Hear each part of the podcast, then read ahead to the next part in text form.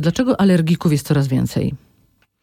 Coraz więcej alergików jest dlatego, że e, obserwujemy zmiany jakości powietrza. Powietrze jest coraz gorsze. Jest to czynnik, który usposabia do większej częstości uczuleń, a przez to do większej częstości chorób alergicznych, czyli jakość powietrza, tego czym oddychamy, przekłada się na większą tendencję do reagowania w sposób alergiczny, a zatem więcej przypadków astmy, więcej przypadków alergicznego nieżytu nosa, i możemy to powiązać z zanieczyszczonym powietrzem. Alergikom żyje się lepiej w miastach czy na wsiach?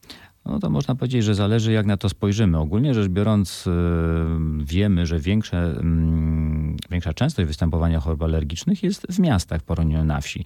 Oczywiście z tym jednym wyjątkiem, że jeżeli ktoś będzie w trakcie sezonu pylenia przechodził przez łąkę, no to na pewno te objawy będą nasilone. Ale z drugiej strony pamiętajmy, że pyłki są wiatropylne, więc przenoszą się na duże odległości, czyli w mieście też będziemy eksponowani na pyłki. Mało tego, będziemy nawet w naszych mieszkaniach, bo zapominamy o tym, że one przecież docierają do środka, do wnętrz naszych mieszkań, domów.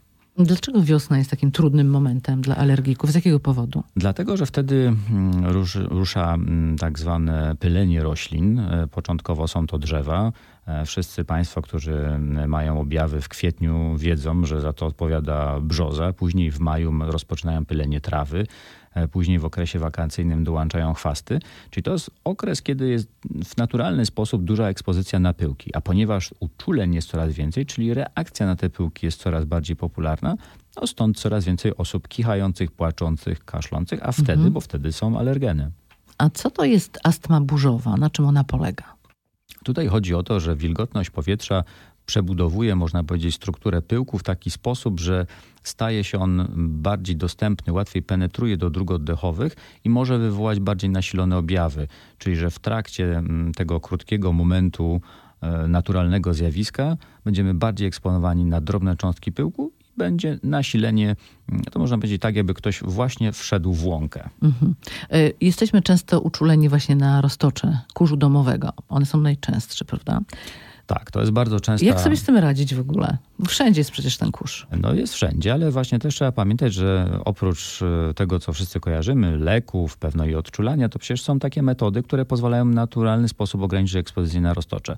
Przede wszystkim trzeba pamiętać, że skoro żywi się naszym naskórkiem, to eliminujmy go z tego miejsca, gdzie jest go najwięcej, czyli z pościeli. Pranie pościeli w wysokich temperaturach, częsta zmiana pościeli, zabezpieczanie materaca pokrocem przeciwroztoczowym, częste sprzątanie, pozbycie się e, narzut, kilimów, dywanów. No i jeszcze jedno, bo to jest akurat częsty problem u dzieci. Co zrobić z pluszowymi zabawkami? Noc w zamrażalniku załatwi sprawę. Mhm. A co z pościelą? Ta syntetyczna jest właśnie zdrowsza czy pierze? Każda, która da się wyprać w wysokiej temperaturze, będzie dobra. Z pierzem jest troszkę jakby osobny problem, bo można być uczulonym też na pierze, czyli to jest dodatkowy alergen, ale to nie należy mylić z roztoczami kurzu. Z pewnością z punktu widzenia osoby z y, alergią wziewną e, pościel syntetyczna będzie bezpieczniejsza. A jak rozpoznać, że katar czy, czy właśnie kaszel to jest ten uczulający, a nie jest to przeziębienie? Takim pierwszym sygnałem, który może naprowadzać jest to, że te objawy się powtarzają, czyli że zawsze, kiedy jest pewna pora roku, ja znowu mam katar, znowu kicham. Więc jeżeli to się z roku na rok powtarza, to jest sygnał, że może być to, mm, to alergiczne. Poza tym rzadziej takie osoby mają gorączkę. Jednak w trakcie infekcji wirusowej, czy to będzie wirus grypy, czy inny e, wirus, często jest podwyższona temperatura, często wysoko, 39-40 stopni. Osoby z alergiami ziewnymi nie mają e, tak podwyższonej temperatury, na pewno nie w takim stopniu, więc jest to kolejny czynnik. Dodatkowy i ogólnie w infekcji wirusowej jest ogólnie złe samopoczucie, bóle mięśniowe, bóle głowy. Jednak można powiedzieć, że ogólnie pacjent czuje się gorzej. Ale ta sezonowość, ta powtarzalność objawów to jest mhm. coś, co powinna nas naprowadzić. A z kaszlem jest podobnie, bo czasami kaszlemy nie tylko na wiosnę. E, oczywiście, że tak, tylko że tu znów e, osobę kaszlącą ciężko jest e, określić, czy to jest kaszel astmatyczny, czy kaszel infekcyjny. Czasem charakter, brzmienie w tego, w jaki sposób ktoś kaszle, pozwala domyślić się, czy to jest pochodzenia krtaniowego, tchawiczego, oskrzelowego, no ale to samo w sobie oczywiście nie określa, czy to jest kaszel alergiczny, czy nie. Powtarzalność tych objawów to jest coś, do czego powinniśmy się odwoływać. No to jeszcze bardzo ważne pytanie. Jak to jest z tymi zwierzętami, psami i kotami? Każdy, czy alergik może się do nich przyzwyczaić? Czy są rasy, które mniej powiedzmy uczulają? Raz Rzadziej? Nie, bo często pada takie sformułowanie ze strony pacjentów, że ja mam psa czy kota określonej rasy i on przecież nie uczula. No niestety nie jest to takie proste, bo te alergeny są w naskórku, więc kwestia czy on ma sierść czy włosie, no nie jest aż do końca tak istotna. Na pewno ta ekspozycja będzie mniejsza albo większa, ale nie tak, że jest kompletnie nieuczulający kot czy pies. Natomiast rzeczywiście tak bywa, że mm, do własnego zwierzęcia możemy się przyzwyczaić i często my widzimy wynik dodatniego testu dla sierści psa czy e, kota, a jednak ktoś toleruje obecność tego swojego psa czy kota w domu i nic mu się nie dzieje.